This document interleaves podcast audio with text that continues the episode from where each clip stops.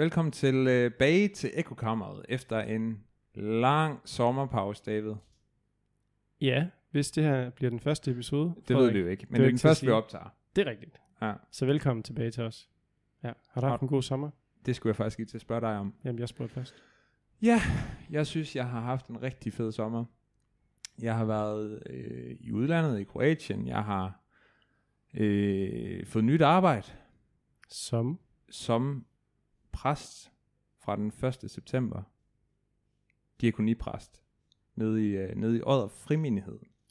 Så det er, det er, det er nyt for mig, og, øh, og det skal jeg lige vende mig til og sådan noget. Jeg er ikke startet nu, jeg starter her om en uges tid. To ugers tid. Men, øh, men det bliver godt nok spændende. Så nu har vi simpelthen øh, pastoral vejledning som en del af det her foretagende. Ja. Vi har en præst, vi kan spørge til råds nu. Det er utroligt. Ja. Tror du, det kommer til at ændre sig, hvad jeg siger i den her podcast? Man kan overveje, om din autoritet bliver større end min lige pludselig. Nu må se. Det har det nok ikke været før. Nej, det er godt til dig. Tillykke. Det er Officielt. egentlig godt, at der ikke er nogen af os, der er autoriteter i den her podcast. Ja. Over for vores skytter. Det er et meget sådan flat ledelseshierarki. Det må man sige. Men nu skal vi snakke om, hvad vi skal snakke om i dag. Nej, har du haft en god sommer? Nå ja. Øhm, jamen ja. Det har været meget sådan en børnefamiliesommer. Masse sommerhus. Du har været i Saxil. Nej, Hov. jeg har været i Hov og boet i sommerhus. Det var fint. Vi var ved stranden en halv dag, så gad Gry ikke mere. så øh, det var ikke så meget øh, luksus sommer. Er Nej, det var, vi hyggede os virkelig meget. Det Ja. gjorde vi. Og øh, jeg har slappet meget af og har solgt min computer. Lidt forskelligt, Så du kan købe en bærbar, så vi kan spille lidt Counter-Strike sammen. dybest set. Så fedt. Sindssygt fedt. Godt, vi skal snakke om uh, purity culture i dag. Ja. Renhedskultur. Jeg ved ikke, hvad man kalder det på dansk. Det Nej. kan vi jo finde ud af, om til jeg har et godt øh, begreb for det på dansk. Ja, Ja. og øh, Hvad ved du om det? jeg ved ikke særlig meget. Jeg har jo selvfølgelig forberedt mig ved at læse TS blog, to del blog om det, som vi nok skal linke, så I lige kan læse det derude. Link i bio, som man Link i siger. bio. Øhm, og så kan man sige, at jeg nok er påvirket af det op igennem øh, min, øh, min ungdom og min teenageår. Fordi jeg jo er opvokset i et, øh, i et kristent miljø og en kristen subkultur i Danmark, som jeg tror er meget påvirket ud fra i hvert fald tese, tese af purity culture, øh, som for mig på en eller anden måde har altså bonget ud i, øh, hvordan kan jeg undgå at have sex, før jeg er blevet gift, og øh, hvordan kan jeg lade være med at onanere, og hvordan kan jeg lade være med det ene og det andet og det tredje, øh, som primært udtryk. Det tror jeg, det er den, den påvirkning, det ligesom har fået i mit Mm. liv. Ja. Jeg tror, altså, øh, jeg kommer til at nævne nogle historier, når vi skal snakke om lidt, men ja, jeg tror i hvert fald, at den måde, jeg har oplevet, ja, jeg, det resonerede med mig, da jeg læste T.S. blog, og det er derfor, vi- at jeg har inviteret hende, fordi at der var noget i det her, som jeg kunne genkende fra min opvækst, og, og jeg er enormt nysgerrig på i dag at høre, hvad er det gode alternativ så? Eller sådan, for en ting er at, at kalde noget øh, rådent, men noget andet er også at sige, jamen, er der sådan noget, der kan stilles i stedet for, som kan løse problemet? Og nu spoiler Øh. du jo lidt, at, at øh, der måske er noget ved det, der ikke er så godt, og det fik jeg jo faktisk ikke lige nødvendigvis sagt, bare fordi at det er noget, som vi skal holde os Ja, nu fra. kaldte jeg det rådent. Det var. Ja. meget lavet. Det er rigtigt. Fordi det, er jo, det, er jo, det tror jeg, det er måske noget af det, jeg er nysgerrig på, det er, jamen er det egentlig det gode liv? Er det gode liv at frelægge os? Øh, Purity culture. Eller ja, eller leve efter det? Er det Mm. gode for os at frelægge os det her lidt mere løsluppende liv, som jeg tror, øh, mange unge i dag lever i? Altså hvis man ser på de analyser, både kristne, der lavede sådan, Adam og Eva lavede en undersøgelse for nogle år siden, der viser i hvert fald en seksuel løsluppenhed, jeg ikke tror, man, man, øh, man fandt i, øh, i kristne kredse for 50 år siden. Øh, om, øh, ja, ja, eller også så vidste man det bare ikke.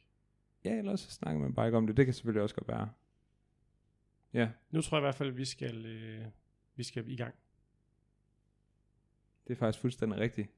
Vi skal ikke snakke ørerne af folk inden at, til Det at gider komme vi på. ikke. Godt. Nej. Vi stopper her. Ja. Ses. Så er vi tilbage igen, og vi glemte at sige i introen, at vi jo sidder i min lejlighed den her gang. Sjældent syn, og der hænger fødselsdagsflag over os, fordi min Viv havde fødselsdag den anden dag. Nå ja, tillykke med hende. Tak. Eller til hende. Men Thea, nu er du i studiet hos os. Vil du ikke fortælle os lidt om, hvem du er? Jo, øhm, altså jeg er 22 år gammel, og øh, læser lige nu jura på Københavns Universitet. Kommer fra København, og så over det sidste halvandet år, to år, er jeg begyndt at interessere mig rigtig meget for sådan teologi og hvad jeg kommer fra. Øhm, da jeg er opvokset i Baptistkirken i Danmark, øhm, og det frikirkemiljø, som jeg kommer fra. Øhm, så det har været sådan en voksende interesse for mig, sådan en hobby, kan man sige, som faktisk startede under første nedlukning Hmm. øhm, under corona. Så øh, ja, Mm-hmm. Og du har læg, altså lagt godt for land med at lave flere blogs, og øh, jeg synes, alle skal gå ind og se din blog, fordi jeg synes virkelig, den er flot. Altså siden er flot. tak. Jeg Vigtigt. har fået lyst til at læse øh, de ting, der er inde på siden, når jeg kommer derind. Så vi skal nok huske at, at dele din blog og, øh, og bringe den lidt længere ud. Mm. Ja, godt Tak. gået. Mm. Tak. Sej hobby, du, nu- du lige har fået her oven i corona. Ja. Mm. Thea, du har skrevet to blogindlæg, som hedder Purity Culture, eller har, den, har det som tema. Vil du ikke sætte os ind i, hvad det betyder, og hvor det kommer fra? Jo, øhm, altså purity culture som begreb øhm, er jo egentlig en kultur, som er sådan centreret omkring jomfruelighed. Øhm, og sådan helt kort, så handler det egentlig om sådan afholdenhed fra sex før ægteskabet. Øhm, og kulturen, den er startet i øh, USA, i øh, den evangelikalske kirke, øhm, som er sådan den kirke, som ligesom ikke sådan er styret af staten, men som har sådan sin egen forfatning øhm, og sin egen sådan, indretning. Og øh, ja, purity culture, det er der måske nogen sådan i Danmark, hvis man sådan kender en lille smule til det, øhm, som forbinder sådan med sådan noget chastity rings og sådan ceremonier og sådan noget, som i Danmark sådan virker måske rimelig langt ude sådan i de fleste Hvad, miljøer. hvad er det for noget? Øhm, ja, altså man kan måske oversætte det lidt til sådan kyskhedsringe eller ceremonier, hvor det er meget sådan bundet op til, at sådan kvinden har sådan sin jomfruelighed, som man skal beskytte, som har sådan en værdi i sig selv. Hmm. Øhm, og så ofte så er det så kvindens far, som sådan har ejerskabet over det, kan man sige, indtil hun bliver giftet væk. Øhm, og så er det egentlig noget, som man sådan fejrer inden for kulturen ved at have nogle forskellige sådan, symboler og nogle sådan, ritualer, som, øh, som man bruger til sådan, at vise, at det er ens far, som sådan, ejer ens jomfruelighed. Hmm. Hvilket også sådan, lyder lidt creepy, når man siger det. Ja, det må du nok sige. Øhm, hvis du sådan selv skal sige øh, lidt om, hvad du tænker baggrunden for purity culture er, altså er det, du sagde noget om, i, øh, inden vi gik i gang med at optage, det, det handler om noget, der foregår i USA, nu har du lige fortalt lidt om den evangelikale kirke. Øh, hvor starter det henne? Ja, altså det er lidt sådan forskellige holdninger til det, men en forfatter, som hedder Linda K. Klein, som jeg sådan læner mig meget op af i mine øh, blogindlæg, hun øh, har i hvert fald et udgangspunkt om, at det er noget, som er startet sådan i 1960'ernes øh, USA i forbindelse med sådan den seksuelle frigørelse, øh, hvor at der var sådan en voksende bekymring omkring øh, kønssygdomme, som øh, spredte sig. Og det dannede så sådan et grundlag, kan man sige, for kulturens sådan opblomstring. Øhm, og så øh, var der præsident Ronald Reagan, som øh, var den første, som begyndte at øh, give rigtig meget statsstøtte til sådan nogle øh, seksualundervisningsprogrammer sådan i kirkerne i USA. Øhm, hvor at det var sådan nogle særlige programmer, som ligesom skulle undervise de unge i sådan afholdhed, som man så som en løsning på den her problematik i forhold til øhm, stigning i kønssygdomme. Mm. Så det var derfor, man begyndte sådan at give en masse penge til det. Og så er der også nogen, der mener, at det var sådan en måde for den evangelikalske kirke sådan at kunne snakke om de her tabuer, og sådan kunne snakke om sex i kirken. Så det var også en måde sådan at åbne emnet op. Øhm, og under Bill Clinton, så ydede man egentlig bare sådan statsstøtten til de her forskellige øhm, programmer. Mm. Sådan så, at, øhm, at det var sådan seksualundervisning generelt var indrettet i, øh, i USA. Okay. Og vil du sige lidt mere sådan øh, nede på jorden om, hvad kunne en, en purity culture være? Altså, hvad, hvad bliver der sagt? Hvad bliver der gjort? Hvad er sådan idealet i en purity culture? Øhm, altså hvis man tager det helt simpelt, så er det egentlig sådan, øh, det her med, man måske kan oversætte det som sådan en renhedskultur. at det handler om sådan at være ren seksuelt, både sådan i sine tanker og i sådan det, man gør øhm, fysisk. Så sådan, det kan måske sådan, øh, vise sig i sådan afholdenhed fra at se porno eller onanere, eller sådan al sådan øhm, seksuel øh, nydelse eller lyst er ligesom noget, man skal afholde sig fra, mm. indtil man er i øhm, en monogam relation i et ægteskab.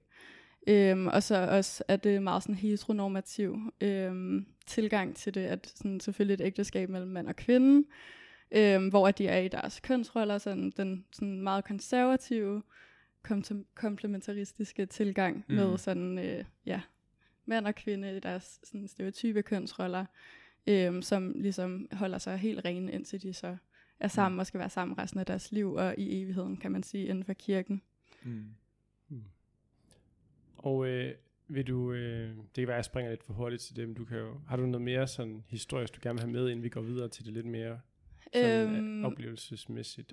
Altså noget, som jeg synes er ret vigtigt, er sådan to kristne øh, grupper, som har defineret det rigtig meget, som er noget, der hedder Love Waits, og så noget, der hedder Silver Ring Thing, øh, som øh, er to kristne grupper, som har udgivet deres egne bibler, øh, hvor at det egentlig bare er nogle øh, mennesker, som har siddet derhjemme, og så har de ligesom taget biblerne, og så har de egentlig bare trukket sådan 20-30 sider ud af røven om øh, altså sådan deres egne øh, holdninger til, sådan, hvordan man holder sig ren, og hvorfor det er vigtigt, og sådan noget. Og så, altså bibler, som i, det er ikke, det er ikke bibelen. De har taget men... biblen og tilføjet 20-30 sider af deres egen fortolkning af, hvordan man skal holde sig ren, som er noget af det, som har spredt purity culture rigtig meget. Wow. Og så har de wow. solgt de her bøger som Bibelen, Nej, som så har spredt sig øhm, rigtig meget. Jeg tror, det var 80'erne, 90'erne måske. Okay. Øh, ja, det lyder sådan helt vildt. Ja, fordi det, har, det er jo noget af det, som også sådan har givet rigtig meget forvirring af, hvad er noget sådan fra de oprindelige tekster, og hvad er noget, som sådan er tilføjet senere.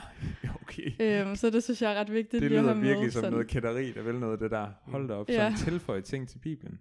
Wow. Mm. Nå. Ja. Ja.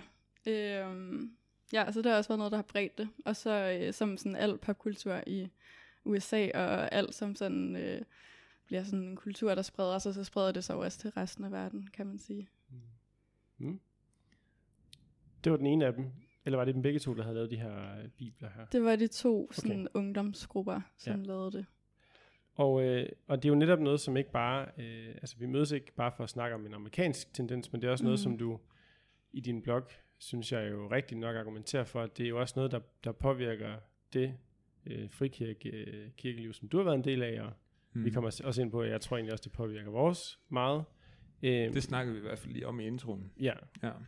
Vil, du, vil du prøve at dele lidt af, hvordan det har været øh, en del af din opvækst, øh, og hvordan, det har, hvordan du har mødt det der? Ja, ja. det kan jeg godt.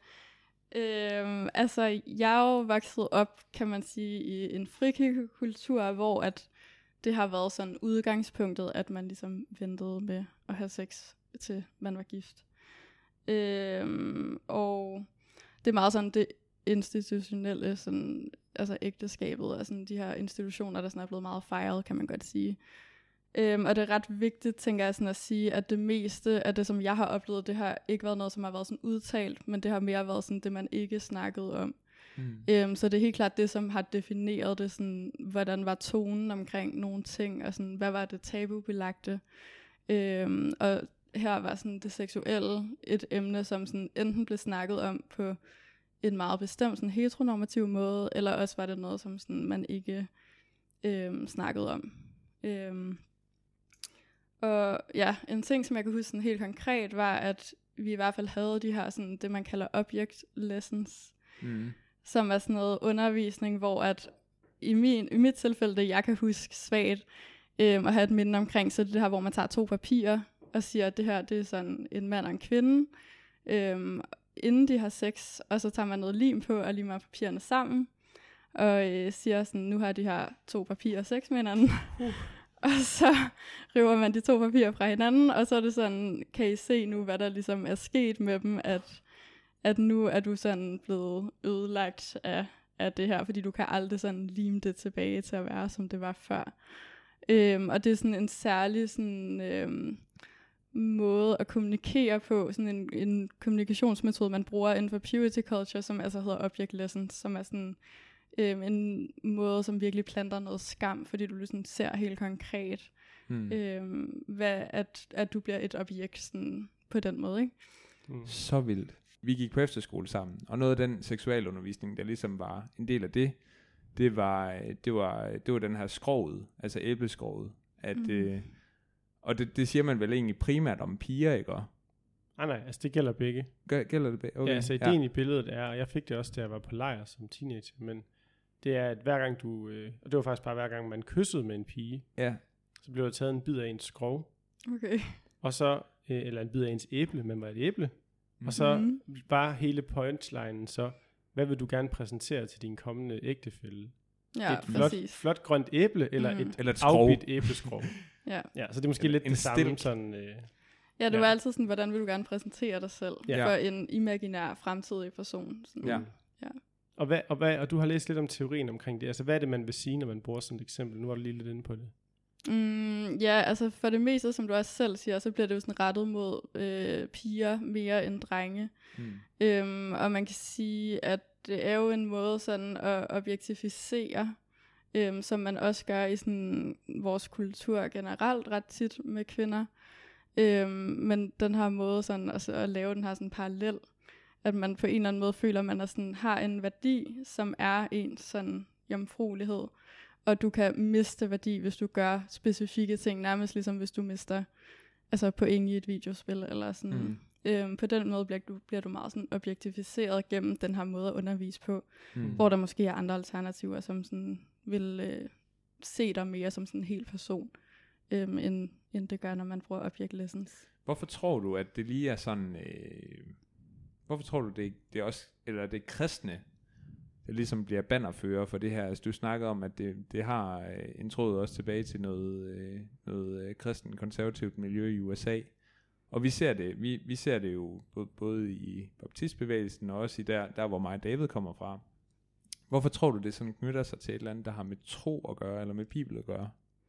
Mm, ja, altså det er et godt spørgsmål. Altså man kan sige, at i vores kultur generelt, så noget, som jeg synes er meget sådan, vigtigt at nævne, at vi har det her luder Madonna-kompleks i forhold til sådan, at man tit ser på kvinder, sådan, at de kan enten være luder eller Madonna. Altså sådan, enten er du en, som er sådan helt uskyldig, eller så er du en, som ligesom går ud og er sammen med rigtig mange, og du kan ikke sådan have wifi potential, eller hvad man skal sige, hvis du sådan går ud og er sammen med mange. Mm. Øhm, og det er en måde ligesom at tage sådan hele personen fra en kvinde og ligesom label øh, kvinden og ikke se på sådan hele mennesket.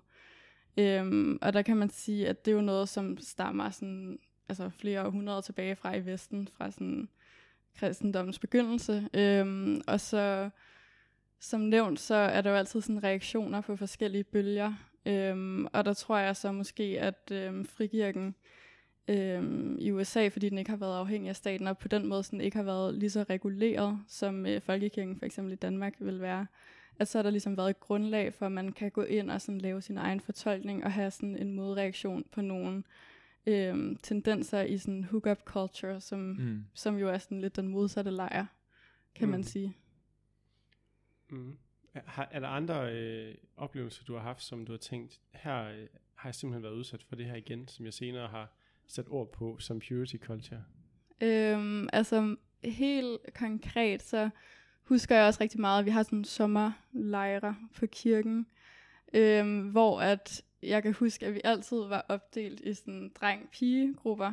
Sådan Ja. igen, ikke for at sige heteronormativt sådan 1000 gange i den her podcast, men sådan en meget heteronormativ opdeling af drenge og piger, og specielt i forhold til sådan de emner, som man så snakkede om, Mm. hvor at drengene altid skulle snakke om sådan deres øh, pornoafhængighed, øhm, og pigerne skulle måske snakke lidt om lidt mere sådan noget, har jeg crush på den her person, eller sådan, hvad kan jeg gøre, rigtigt. Øhm, og der var det bare meget sådan, med vores generation, tror jeg, at lederne var ret sådan, øh, meget på den side, at de ligesom øh, valgte sådan at vente med rigtig mange ting til ægteskabet. Og så var det, altså lederne er jo tit dem, som sådan bliver rollemodellerne Mm. øh, for det. Og der kan jeg også huske, at det var meget sådan noget med at fortælle sådan, hvordan er jeg kommet ud af min pornoafhængighed, som sådan ens testimony, eller sådan Mm. testamente. Er det det, der hedder? Vidnesbyrd. Vidnesbyrd, men Vidnesbyrd. Mm. vidnesbyrd for sådan en sådan omvending til sådan at være rigtig troende, eller hvad man skal sige. At, øhm, at der blev der jo egentlig med den fortælling rigtig meget fokus på sådan det seksuelle, og meget sådan egentlig mænds seksualitet, som jo sådan virkelig blev udskammet på den måde. Mm. Øhm, så det var, altså, på, jeg vil sige, pornofortællinger har fyldt utrolig meget i min opvækst i forhold til, Mm. hvad man måske skulle tro. Ja. Øhm, så det var i hvert fald et stort emne. Ja, og, og, og, og du nævner det her ord flere gange, skam, og, være, og, og blive udskammet. Øh, og det er også en af de konsekvenser, du så skriver dig frem til i bloggen, at den her kultur har primært, at den skaber skam hos unge mennesker. Øh, og så synes jeg, at du havde en meget spændende overvejelse for omkring det her med, og det var jo sjovt at læse som, jeg vil sige mig selv som Luthers kristen, så er det sjovt, at du lige hiver Martin Luther op af hatten.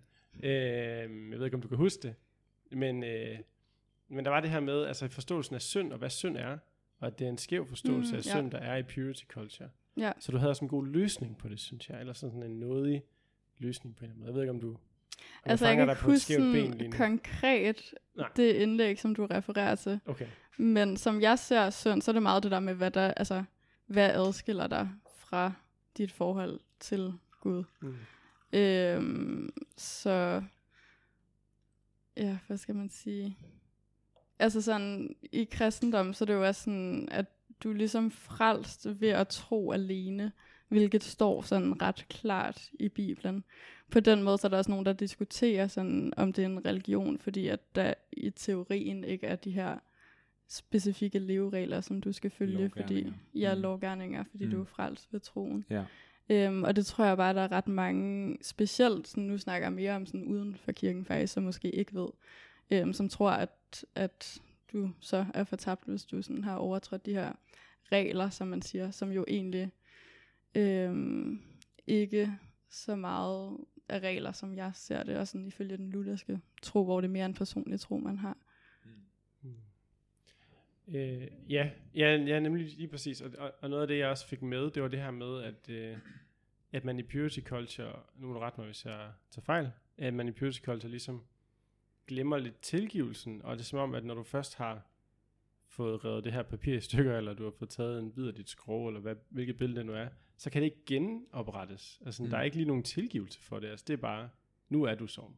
Ja, altså, Øhm, en af de ting, som bliver bragt op ofte også, er det her med, at der kommer til at være sådan en os og dem retorik, hvor det ligesom er os, som holder os rene, og så dem, som sådan har gjort de her forskellige ting. Og det handler rigtig meget, tror jeg, sådan om sproget, man bruger omkring det, øhm, og den diskurs, som der er i kirkerne. Øhm, det er i hvert fald noget, jeg har oplevet med, at man sådan lidt øhm, kommer til sådan, måske nogle gange ubevidst også, at sætte folk sådan i kategorier. Mm. Øhm, og det tror jeg skal skabe rigtig meget sådan indre konflikt, fordi man kan ikke, igen er det lidt ligesom med Luther Madonna-komplekset, at du kan ikke se dig selv som en hel person, der både kan være et seksuelt væsen og et religiøst væsen. Øhm, og altså sådan en, som, øh, som måske øh, i forhold til Luther Madonna-komplekset, så for eksempel en klog kvinde og en øh, god hustru og en, som øh, har sex med øh, flere forskellige mænd. Mm. Altså dermed, at du bliver hurtigt sådan, at øh, du bliver nærmest sådan en, øh, en øh, statue af, at du ligesom kun skal være sådan en ting for at være sådan korrekt. Ja. Og, og hvad er løsningen så? Fordi nu, nu lyder det næsten helt dystert og sådan, øh, må man sige, lyder som en øh, kedelig fortælling indtil videre. Har du, har du en god, øh, et godt forslag til, hvad vi gør det her purity culture? Så kan vi også lige øh, prøve at spejle det lidt ind i vores fællesskab og vores kontekst. Øh, ja, jeg synes, jeg har en god løsning. Ja, perfekt. Kom, med din løsning, så kan, vi, så, så kan vi tage fat i den. Mm, altså, det er jo egentlig ikke, fordi jeg synes, der er noget som helst galt i, hvis man ligesom vælger, at man føler, at det er det rigtige for en selv at vente. Altså sådan, også øhm, i forhold til, sådan, hvor meget øhm, magt, som kirken skal have, i forhold til, hvor meget de ligesom skal have lov til sådan at undervise i øh, altså sådan seksuel undervisning, og hvor meget de skal have sådan indvirkning på en sådan seksuelle opdragelse Mm. øh, så synes jeg faktisk, at det er problematisk, sådan, hvor meget sådan, kirken fokuserer på det, øhm, og blander sig i det, øhm, fordi at det kun er en ud af mange sønder i situationstegn. Øhm, altså sådan, det er jo bare et emne sådan af hele ens øh, menneskelige liv. Ja. Øhm, og der synes jeg måske, at man også kunne sætte lidt større fokus på nogle andre ting, også i ens sådan, vidnesbyrd, øhm, når man er ude, og, og specielt undervise meget unge mennesker eller børn, mm. som virkelig sådan, bliver påvirket af de her fortællinger. Er det fordi, du tænker, at kirken snak, altså bare lige for at præcisere det, er det fordi kirken snakker for meget om det, eller er det fordi kirken ikke burde snakke om det?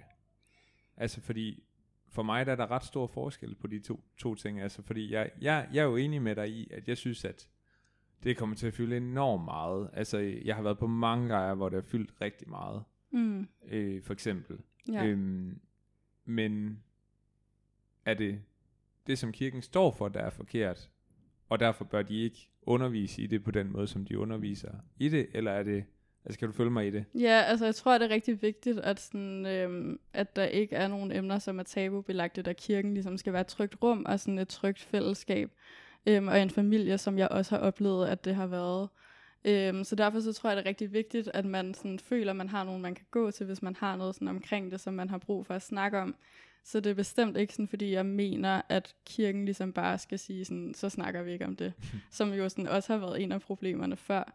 Øh, men nok nærmere sådan det der med, specielt sådan i måden, man fremlægger sin vidnesbyrd, eller sådan, øh, hvor meget tid man ligesom bruger på at snakke om det, hvis man for eksempel har nogle unge mennesker sådan på, altså øh, til noget undervisning eller et eller andet, at man så husker sådan, at der også er mange andre emner, som man kan tage op, som mm. er, er vigtige, og at det ikke er noget, som nødvendigvis behøver at fylde for eksempel en hel eftermiddag med porno, eller sådan.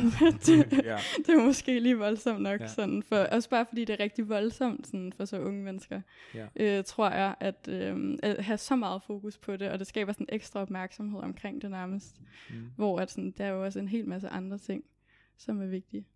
Ja. Jeg, jeg, hvis jeg bare lige må motivgrænske lidt, hvorfor jeg tror, det har fyldt så meget, for os, altså du er 22 mm. år, ja. og vi er, øh, jeg er 28, du er 27, og øh, i vores øh, ungdom, teenageår, der har det fyldt meget. Og jeg tror, jeg kan simpelthen huske tydeligt, at vi på efterskole efterspurgte det rigtig meget. Jeg kan huske, at vi simpelthen havde, vi havde brug for at snakke om de her ting her. Også fordi det jo selvfølgelig var noget, der fyldte meget. Både for drenge og piger, tror jeg. Mm. Øhm, og så øh, skal jeg da ellers lige love for, at, øh, at, at det også har fyldt meget, og det, det gør ja. det jo stadigvæk i dag. Øh, men det er også som om, at det er måske som om, at sproget lige er, er lidt bagefter. Mm. Jeg kan følge mig i det? Altså det er som om, at, at vi faktisk ikke rigtig, hvordan skal vi snakke om grænser, for eksempel? Altså hvad, og ikke for at sige, sådan her skal man gøre, men for at sige, sådan her har vi gjort, og det har både frugt, det har været frugtbart i vores forhold, eller det har været frugtbart for min ungdom, at jeg har gjort det på den her måde, eller det har været svært for mig, at jeg gjorde det på den her måde. Øh, også fordi det er så på en eller anden måde personligt, og måske også privat, mm. at det faktisk er svært at snakke om, ikke? Fordi jo. det er jo ikke mange, der stiller sig op og siger, jamen jeg er pornoafhængig, jeg er øh, 30 år gammel, og øh, altså, hvad, altså, der er, der er bare noget her, der er rigtig svært ved det her emne, som gør, at jeg tror, at folk, der står for sådan nogle lejre, eller for sådan nogle events der, de har enormt svært ved også at finde ud af, hvordan griber vi om det. Når mm. vi går bare tilbage i værktøjskassen, som den så ud for 10 år siden, Præcis. og så gør det, ja. gør det samme, ikke? Mm. Ja. Men tænker du til, at kirken skal ændre sin lære på det her spørgsmål? Altså skal kirken øh, sige, det er ikke vigtigt, hvordan unge mennesker behandler deres seksualitet? Altså en, øhm, som taler rigtig meget om det her emne, en der hedder Goddess Grey, øhm, som jeg følger rigtig meget med i. Sådan, hun har lige skrevet en bog, der hedder On Her Knee, som også handler om øh, purity culture. Og noget, som hun er rigtig meget inde på, det er sådan, hvordan purity culture og hookup culture kolliderer med hinanden. Øhm, og der er sådan rigtig mange øh, negative ting, og sådan med hendes egen... Hvad, hvad er hookup culture i forhold til purity culture? Uh, hookup culture, det er sådan, hvis man forestiller sig sådan Tinder-kultur, eller sådan, ja. hvor at man bare, uh, altså, sammen med folk til højre og venstre, eller sådan i den helt ekstreme udgave, kan man ja. sige. Um, så hvor man sådan, um, ikke ligesom dyrker seksuel moral. Um, og der siger hun, at i hendes uh, udvikling, og noget, som jeg kan identificere mig i, Øhm, der har hun ligesom fundet frem til, at en løsning på det, og en løsning på, hvordan kirken kan undervise i de her emner, kunne være, at man i stedet fokuserer på sådan det, som hun så kalder seksuel integritet, øhm, og fokuserer på, hvordan man underviser i øh, kommunikation og grænser, øhm, og har sådan mere fokus på, øhm, hvordan man sådan sørger for virkelig at være til stede for den, som man er sammen med, om det så er en, man er sammen med inden for ægteskabet, eller om man sådan, øh, altså, er sammen med øh, flere forskellige mennesker, at man så sørger for i hvert fald at være der for sin næste, mm. øhm, som man så bare øh, har et øh, seksuelt forhold til i den her relation, mm. men som jo egentlig er et ret grundlæggende sådan kristen budskab. Mm. Øhm, og der synes jeg, det er virkelig vigtigt, at kirken har fokus på at undervise rigtig meget i kommunikation, så man sørger for, at man ikke øh, altså sover nogle mennesker med den måde, som man ligesom vælger at interagere seksuelt med andre. Ja. Tænker du, at... Øh, ja, fordi det vil jo nemlig være, at man også på en eller anden måde, som... Øh, nu skal jeg lidt tættere på. En, eller anden måde, som leder, som kirkeleder, ligesom... Øh, ikke gav køb, men ligesom sagde, vores lærer øh, udtoner vi, eller nedtoner vi. Hvis vi for eksempel har en lærer om, at man ikke skal have sex uden for et ægteskab. Mm. Øh, og, og det er jo et drastisk skridt, og det er jo øh, altså helt sikkert ikke et, som der er nødvendigvis... Er, altså, det, det er et drastisk skridt, kan man sige. Øh, tror du, man kan øh, gøre op med purity culture uden at skulle gøre det skridt? Altså kan man godt have en kirke, hvor der ikke er en purity culture, hvor der er god kommunikation og god seksuel integritet, men hvor man stadig fastholder en bestemt moral omkring det her spørgsmål? Altså det tror jeg sagtens, man kan. Øhm, I hvert fald, hvis man vælger at fokusere på de ting, som egentlig sådan generelt er meget oppe øh, i tiden lige nu, og sådan for eksempel med samtykke-debatten. Mm. Øhm, og man altså tager det her, øh, den her udvikling, og så bare egentlig tager udviklingen med i kirken, og på den måde sådan sørger for at følge med tiden. Øhm, så, så synes jeg egentlig også, at man opretholder altså, i, øh, i den grad sådan en seksuel moral ved at, øh, at fokusere på, sådan, hvordan vi kommunikerer med hinanden, hvordan vi sætter grænser, og hvilke sådan relationer man har til andre mennesker, om man ønsker for eksempel at være et monogam forhold inden for ægteskabet resten af ens liv, eller om man ønsker at interagere med flere forskellige partnere, men så stadig sørge for og, øh, at behandle de partnere sådan med en sådan grundlæggende respekt, som jeg tror, at man godt kan lære øh, fra kirken, hvis de ønsker at påtage sig øh, rollen i at, at undervise inden for det her. Mm. Ja. Ja, og jeg tror, og det, det tænker jeg også, at, at kirken kan, altså være med til at skabe bare generelt i samfundet en større seksuel integritet. Men det er også som om, altså der er jo bare noget i, altså jeg sidder, jeg sidder i hvert fald med den forstå, helt grundlæggende forståelse, at, at øh, sex for mig at se hører på en eller anden måde hjemme i ægteskabet. Og, øh, og det gør jeg jo øh, baseret på min, øh, selvfølgelig på, på det, jeg, det, er ligesom, det trosgrundlag, jeg ligesom står på. Det er den ene side af det. Altså jeg tænker, der er nogle, nogle fordringer i Bibelen, der på en eller anden måde leder til, at det er, det er den vej, jeg også ønsker at gå. Det er mm. der bare. Øhm, og så samtidig også en erfaring af, at det faktisk hænger ret godt sammen i mit eget liv, og det er meget nemt at sige for en mm. heteroseksuel øh, mand, der har fundet en fantastisk kvinde. Altså, så, så på den måde er jeg også øh, er jeg super privilegeret, og det ved jeg godt. Øh, men, men der er bare stadigvæk noget i mig, der siger, at det, det på en eller anden måde er det rigtige. Og øh, nu skal jeg til at være præst. Så jeg skal også til på en eller anden måde at, øh, at finde ud af, hvordan vil jeg kommunikere det her, hvis der nu er ja. nogen, der kommer til at og, og kommer til mig og gerne vil snakke med mig om det. Øhm, og der, der kan jeg godt mærke, at der er et eller andet i mig, der, der, der får lyst til at holde fast i det her meget sådan normativ, eller sådan her er det. Men mm. jeg kan også godt se, at det jo ikke er nødvendigvis tidsvarende. Øh, altså der er bare, der er godt nok et spændingsfelt i det, ja. som er svært at navigere i. Ja. Men, ja. Ja, jeg øh, til. Når du fortæller det, så minder det mig bare rigtig meget om sådan nogle begreber, som jeg lige har opdaget øh, for nylig, når jeg har undersøgt det her emne, øh, som er sådan nogle øh, psykologiske begreber, som sådan er external og internal locus øh, control. Øh, som går ud på, hvor ens sådan øh, drive ligesom kommer fra, Mm. øhm, og ens sådan, moral, om det kommer sådan indenfra, eller om det kommer af noget, som andre ligesom propper ned over en. Og når du fortæller om det, så lyder det på mig som noget, der ligesom kommer øh, inden fra dig af, at det er sådan, du har fundet ud af, at det her måske var noget rigtigt for dit liv. Øhm, og apropos det sådan blogindlæg, du henviste tidligere, Mm.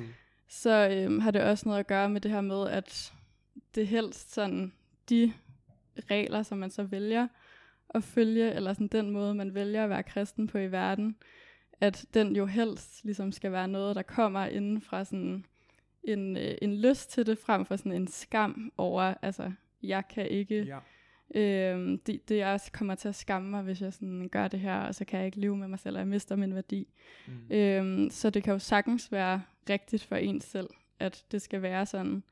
Øhm, og det er jo selvfølgelig et rigtig svært spørgsmål, hvordan man så leder folk til sådan at finde deres egen rigtige vej, men det tror jeg også, det er som en god leder ligesom kan gøre. Øhm, og der er også rigtig mange sådan, psykologiske undersøgelser, som viser, at øhm, folk med en stærk sådan internal locus control øhm, har det psykologisk øh, rigtig meget bedre end dem, som, øh, som ligesom bliver påvirket rigtig meget af de ydre miljøer. Ja, så man kan sige, nogen, der måske er mere tilbøjelige til at lytte på, hvad en autoritet siger, og så, så gøre der efter, og så Mm. måske ikke helt være med inde i, i de valg, man Ja. så træffer, og så stille og roligt få opbygget en skam, fordi man egentlig ikke kan leve op til det, man udefra set synes, man burde gøre. Mm. Er det rigtigt forstået? Ja, altså som jeg ser det, så altså, sådan, kan man jo øh, også øh, i henhold til, sådan, hvad jeg ser, står rigtig mange steder i Bibelen, sådan, været styret af sådan, enten frygt eller sådan, kærlighed. Mm. Hvor at øh, hvis du er rigtig påvirket af, hvordan andre ligesom prøver at styre, sådan, hvordan du skal opføre dig, og sådan, at det ligesom giver dig sådan en skam, øh, og ikke en skyld, som jo så er noget andet, men sådan en skam om, jeg er forkert. Øh, og det er ikke sådan det, jeg gør, der er forkert, men det er den, jeg er, som er forkert. Mm. Øhm, at det kan ligesom, øh, tror jeg, sådan lede dig nogle dårlige veje, hvor at hvis du for eksempel vælger, jeg vil gerne være sammen med den her kvinde, jeg har mødt, og sådan fra et privilegeret sted selvfølgelig, mm. Fordi at det er lidt nemmere inden for kirken i sådan din situation, end mm. For andre, for med andre køn og seksualiteter. Øhm, men altså, det, det tænker jeg jo også så sådan helt grundlæggende kommer fra kærlighed. Øhm, og så er der også lige det, sådan at, øh, at du sådan er en mand i forhold til en kvinde, og kvinder har sådan, øh, i forhold til de statistikker, jeg har kigget på på bloggen, øh, 97% større risiko for at føle sådan seksuel skam, øh, end mænd har. Øh, så generelt så påvirker vildt. purity culture øh, kvinder rigtig meget mere end mænd, og det ja. Ja. kan måske også godt være svært sådan at få frem, fordi det er rigtig svært at sætte sig ind i øh, den påvirkning, det kan have. Mm. Mm. Oh, det er godt nok en nedslående statistik, den sidste. Øhm, Ja. Ja, og, og det tror jeg, at jeg lige vil sige først som sådan en parentes, at, øh, at det er jo bare, øh, jo, altså, hvad man sige, det er overhovedet ikke okay, at, at, øh, at ledere i kirken taler på en måde, der skaber skam hos unge mennesker eller børn, der sidder og lytter. Altså det er bare, skal man bare undskylde for at håbe, at de, øh, at de ser forbi de dårlige ledere og ser hen til en Jesus, der forhåbentlig ikke giver dem det. Nå, det var bare lige en parentes. Og øh, det jeg tænker, det er, sådan som jeg lidt hører det, så, øh, så kan det her spørgsmål handle lidt om lære. Altså, hvad siger man til unge mennesker, de skal og ikke skal? Hmm. Men det kan også lige så meget handle om, er der plads til, øh, altså hvad, ja, som du sagde helt til at starte med, hvad er det, kirken har ret til at udtale sig om? Hvor at, at jeg fornemmer lidt en, en, ikke en løsning, fordi det behøver vi ikke at have i det her program, men sådan en, en opsummering i mit hoved er det her med, det er okay, hvis en, en leder i kirken, eller en autoritetsfigur, beskriver sin egen interne øh, forståelse af nogle ting Hmm. til en gruppe mennesker. Hmm. Og så er det bare enormt vigtigt, at der netop er frirum og plads til, at, at alle i kirken vælger forskelligt. Øh, fordi de er øh, der, hvor de er. Og der skal være plads til, at hvis man ikke vælger i overensstemmelse med den linje, kirken træffer, at, der stadig, at man stadig føler sig elsket og som en del af familien, og ligesom øh, ikke oplever den her skam af at være, lige pludselig at, være, at blive en dem, men at man bliver, mm. får lov til at være, blive ved med at være en del af os, Ja. selvom man vælger forskelligt. Hvordan, Ja. Hvad tænker du lige om den sådan lidt... Øh, Mm, det passer meget godt til en note, jeg havde skrevet til i dag, øhm, som faktisk var den sidste note, jeg havde skrevet, øhm, hvor at jeg har skrevet sådan, at jeg synes, at sådan, det vigtigste er, at det er fuldstændig legitimt, at der er en person, som ligesom har sin egen personlige fortælling om at have mødt Jesus ved for eksempel at være blevet befriet fra en pornoafhængighed, eller sådan have fundet ud af, at du havde sådan nogle øh, måder at agere seksuelt på, som, øh, som Jesus har vist dig en ny vej fra. Øhm, men det er bare sådan vigtigt ligesom så at få frem, at den historie er fuldstændig lige så legitim som øh, min egen fortælling, som jeg ikke er noget at komme sådan, så meget ind på, men i forhold til, at du ligesom bliver frigjort fra seksuel skam, gennem hvordan jeg som kristen ligesom fortolker det, at det også har været igennem sådan at blive øh, altså tættere på Gud, eller sådan tættere på min tro. Øhm, så den fortælling er der også, øhm, at, man, at det er den seksuelle skam, som man er blevet befriet fra, og føler mm. sig som et mere sådan frigjort menneske, og sådan øhm, ligesom er sådan begyndt at se anderledes på nogle øh, kønsnormer og øh, nogle sådan, mm. seksuelle normer. Mm. ja, så, så ja, ja. Der er også noget i det her, der, der hedder, at øh, altså det, det får jeg lyst til at også at snakke om, det skal vi ikke, det er lidt sådan en diskurs, men det er alligevel lidt en spændende ting, altså det her med sådan vidnesbyrd som, som koncept, mm. øh, kan være et sted, hvor det kan være enormt svært at sidde med en omvendt oplevelse af det, som, ja. Som øh, vidnesbyrd afholderen står og fortæller. Mm. Og så faktisk have den, den, den komplet modsatte erfaring. Ja. Fordi du kan ikke rigtig modsige det, og det skal man heller ikke. Men, øh, men det er i hvert fald noget, det kan bringe en masse skam med sig. Mm. Hele det koncept. Øh, og det er nok også derfor, at jeg kan mærke, at det er et stort og et svært emne, seksualitet, køn, øh, hvordan er jeg et seksuelt væsen, når man også bare det der med at dele ud af ens egen erfaring, ikke? fordi det kan også, bare det, det kan simpelthen være med til at skabe skam, øh, og en følelse af ikke at, at gøre det helt lige så godt, eller ja, altså så, fordi at, fordi, måske fordi at, øh, at det er alligevel stadigvæk så tabubelagt, også på den gode måde, så privatiseret, ja. at, at man ikke nødvendigvis fortæller om alle de ting, alle de steder, hvor man fejler, eller ikke gør det, man egentlig havde lyst til at gøre. Mm. Eller ikke gør det, man burde gøre men gør det, man bare har lyst til at gøre. Ja. Ja.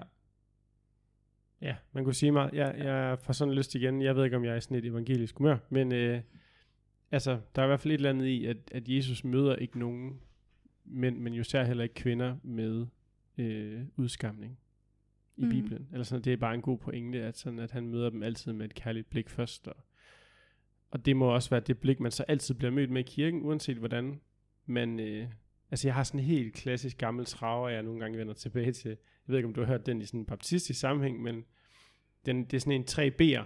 Uh, believe, belong, behave. Jeg ved ikke, om du har hørt den? Nej. Nej. Uh, hvor tit i kirken, så vender man det sådan, at man siger behave, belong, believe.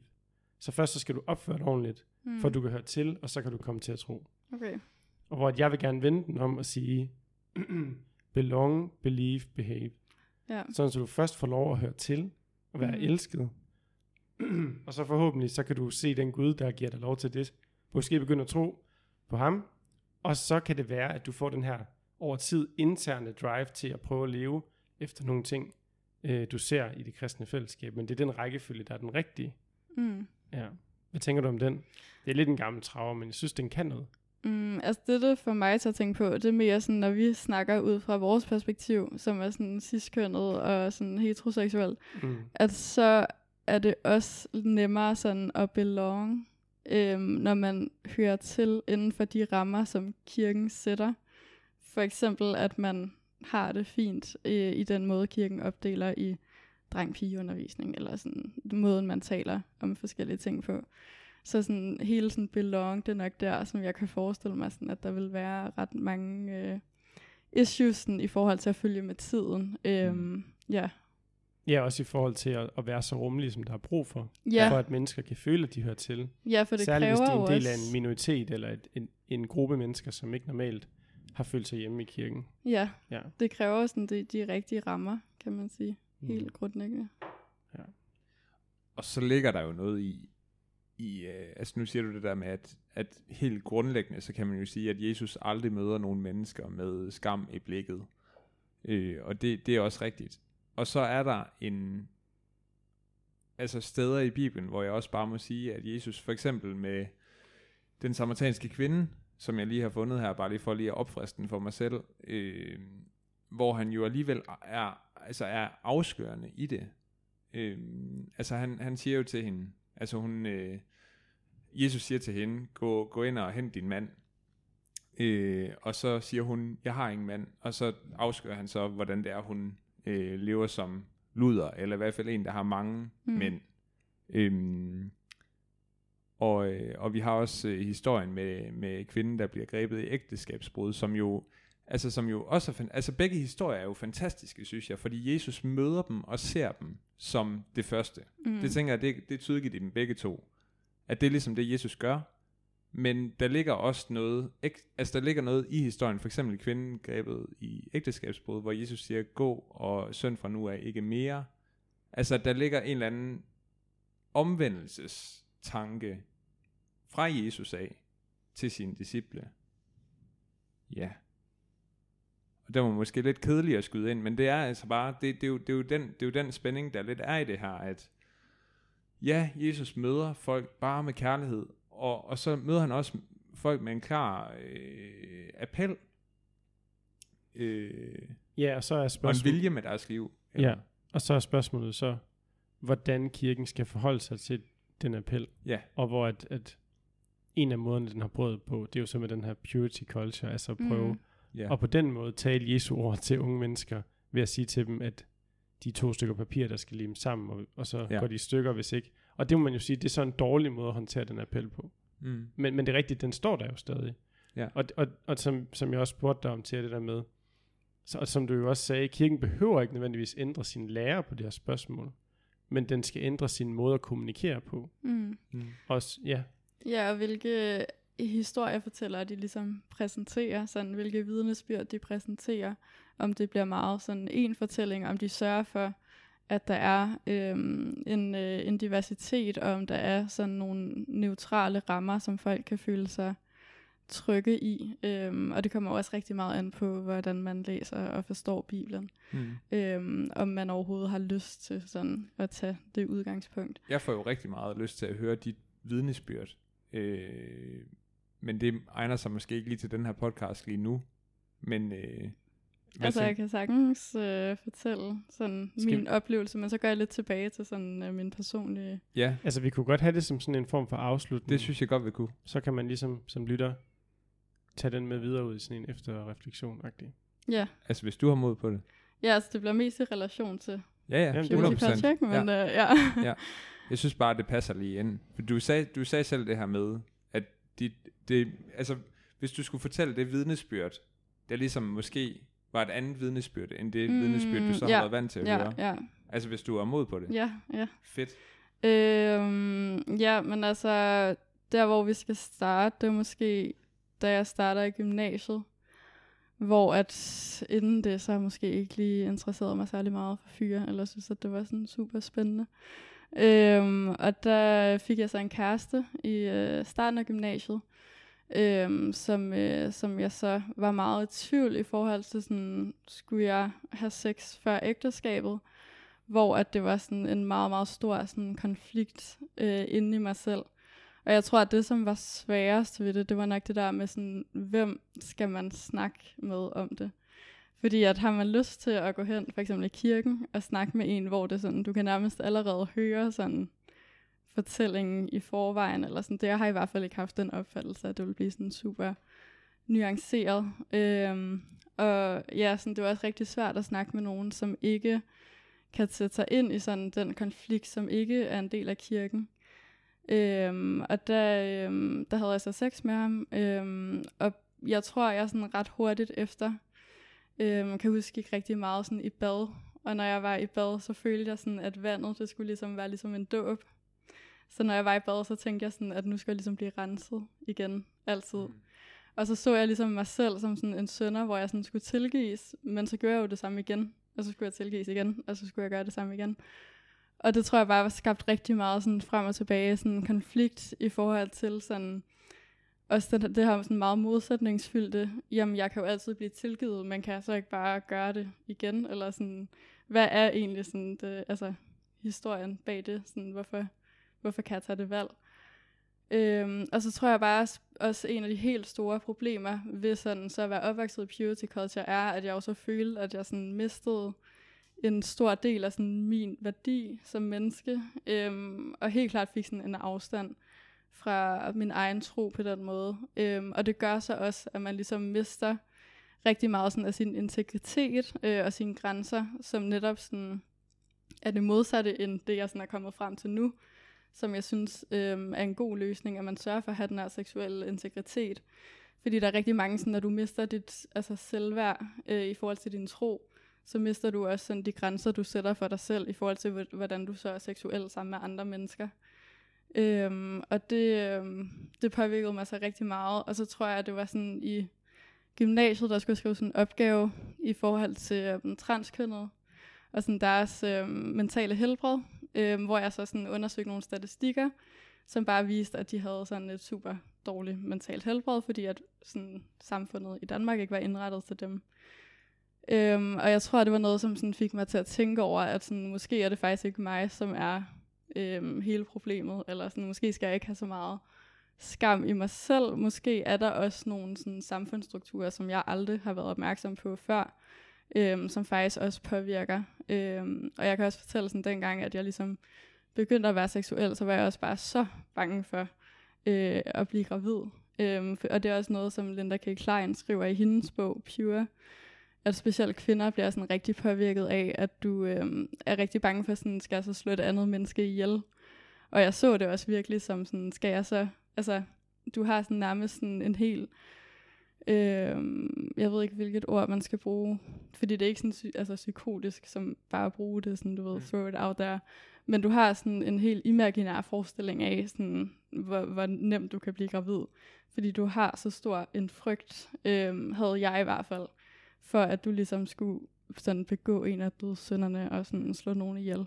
For det er jo virkelig en stor ting, når man ligesom er opvokset i kirken.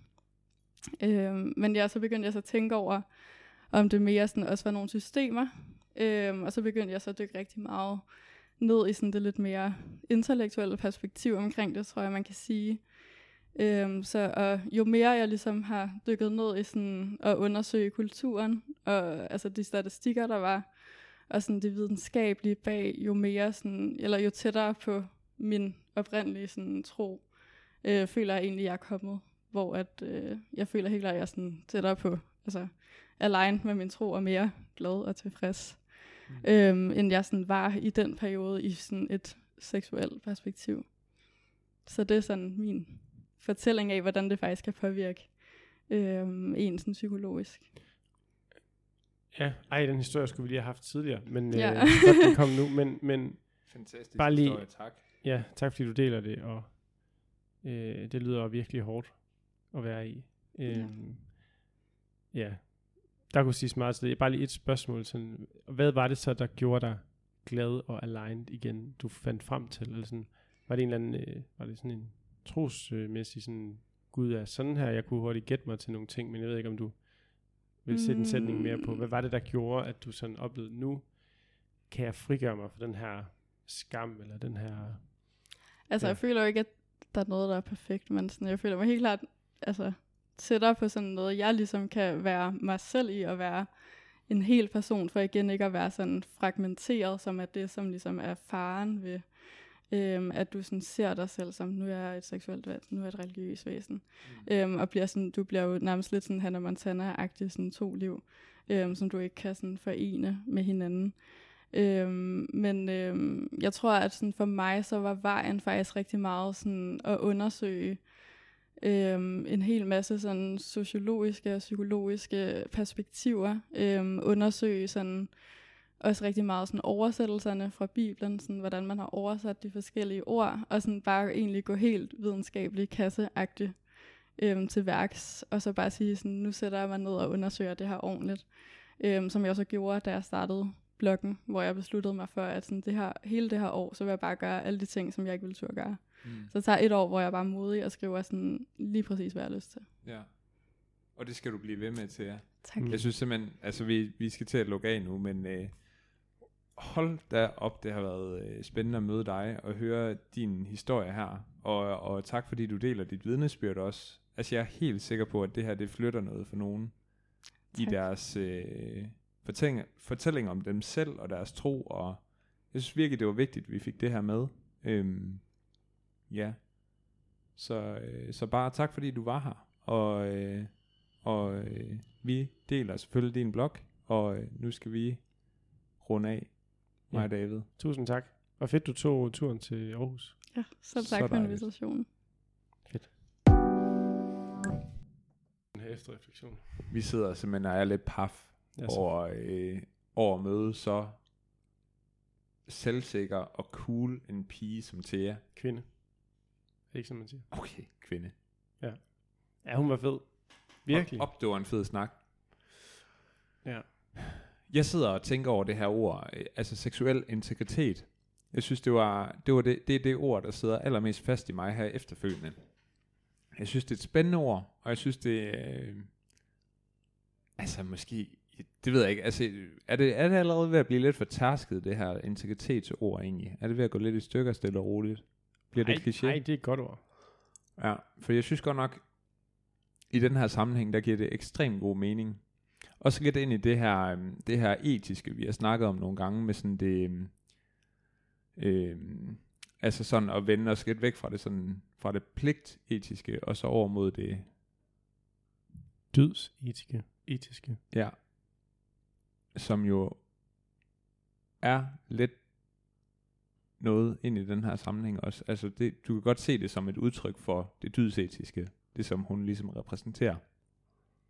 Kan man ikke godt det? Jo, altså det der med at, at, at ikke handle på baggrund af en ekstern påvirkning, men handle på baggrund af en intern karakter, motivation, eller, eller som Christa snakkede om, de her pejlemærker, man skal udvikle for sig selv, hvad er vigtigt for en, og så have integritet i forhold til det. Indtil de der syge begreber, hun lige dropper på et tidspunkt med internal locus. Ja, lige præcis. andet. Ja, og, og det giver virkelig god mening, synes jeg. Og det er jo selvfølgelig udfordrende at tage noget af kirkens brød fra den ved at føle, at man ta- tager noget af dens ret til at sige ting. Men måske er det bare sådan, det skal være, når man er i en kontekst med ældre mennesker, der taler til helt unge mennesker om seksualitet. Altså, måske kirken skal være meget mere varsom, end den har været. Mm. Og i hvert fald stoppe med at bruge sådan nogle elendige metaforer som papir, der bliver limet sammen, og æbleskrog. Mm. Og må ikke de er stoppet med det? Altså, jeg, jeg, jeg, øh, det kan selvfølgelig spørge øh, dem, vi kender, der ligesom øh, står for noget seksualundervisning om. Hmm. Jeg forestiller mig, at man, øh, man har vendt sig væk fra det. Øhm, ja, Altså, jeg tror, mit, øh, det jeg lige sidder og stadig tykker igennem, det var hendes historie her til sidst. Øh, hvor jeg tænker, man kan mene, mene, hvad man vil om, hvilken lærer kirken skal have i forhold til seksualitet og seksuel praksis. Men hvis konsekvensen af den lærer bliver en kvinde, der i den grad skal føle, at hun lever to vidt forskellige liv, og, og have det så dårligt med sin valg og med sit liv, og frygte altså have den der frygt, og sådan, altså hvis det er konsekvensen, så skal der ændres noget. Altså det er det, jeg tænker, jeg sidder tilbage med sådan mm. en, det kan godt være, at jeg synes, at løsningsforslagene ikke er gode, men der skal ske et eller andet, fordi Ja. der skal bare ikke være den følelse af skam, og følelse af at, at blive, som hun sagde, hun sagde jo, at blive mindre værd. mm. At det, det skal vi simpelthen have Altså- altså, gjort noget ved. Noget man kan, noget man i hvert fald helt klart kan, ud fra den her, det her vidnesbyrd, som, øh, som Thea var så sød at dele med os, øh, synes jeg, det er, at man kan opfordre til, og vi kan opfordre til, øh, kommer du i et kristen fællesskab, i et kirkefællesskab, eller, eller noget af den stil, så prøv at fortælle den anden side af historien, som du oplever den. Øhm, og det er ikke fordi, at øh, alle de her øh, porno-omvendelseshistorier, de skal, de skal nedtones, fordi som, som Thea også selv sagde, så er det, så er det jo også vigtigt, altså det er, jo, det er jo den personlige erfaring, der er vigtig her. Så det er ligesom, hvad du selv repræsenterer, men, men ture og melde, altså tør at melde sig, du skal ture om, jeg er så træt, du skal ture og melde dig på banen, eller vi skal ture og melde os på banen, hvis vi har den anden historie, altså den omvendte historie. Ja, altså man kan i hvert fald sige, og det er jo der, det bliver så delikat, fordi at den omvendte historie også vil være enormt sårbar. Men, men det er jo det, vi på en eller anden måde ser her, jamen så, så, så må der være nogle fællesskaber, hvor man kan bære den sårbarhed på en eller anden måde. Jeg synes i den grad, vi blev hævet ud af ekokammeret i dag, Ja, ja, helt på vildt. en helt vild måde, og lidt uventet fed måde. Jamen, og måske også, hvis du faktisk lytter den her outro til enden og stadig lytter med nu, du kunne nok også godt Det mærke... gør du nok ikke. Nej, men hvis du gør, så kunne du nok også mærke på os, at vi lige skulle finde os selv i det her også, og sådan, hun taler med nogle andre begreber, kommer fra en anden kontekst. Ja, det var, på en må- det var meget anderledes på den gode måde. Så fedt. Ja. Ses. Ses.